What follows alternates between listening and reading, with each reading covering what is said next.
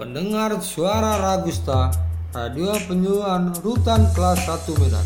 Saya Rudi Icuana Sembiring, selaku Kapsusi Bantuan Hukum dan penyuluhan tahanan Rutan Kelas 1 Medan.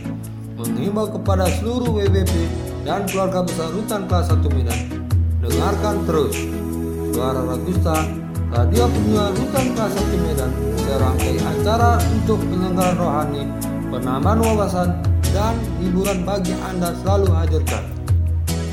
Antara lain, pengarahan dari Karutan dan jajarannya, pesan rohani keagamaan, penyeluruhan dan konsultasi hukum bersama LBA Mitra Rutan Kelas 1 Medan, salam antara WBP, dan motivasi kepribadian serta kiat peluang usaha mandiri selalu kami hadirkan.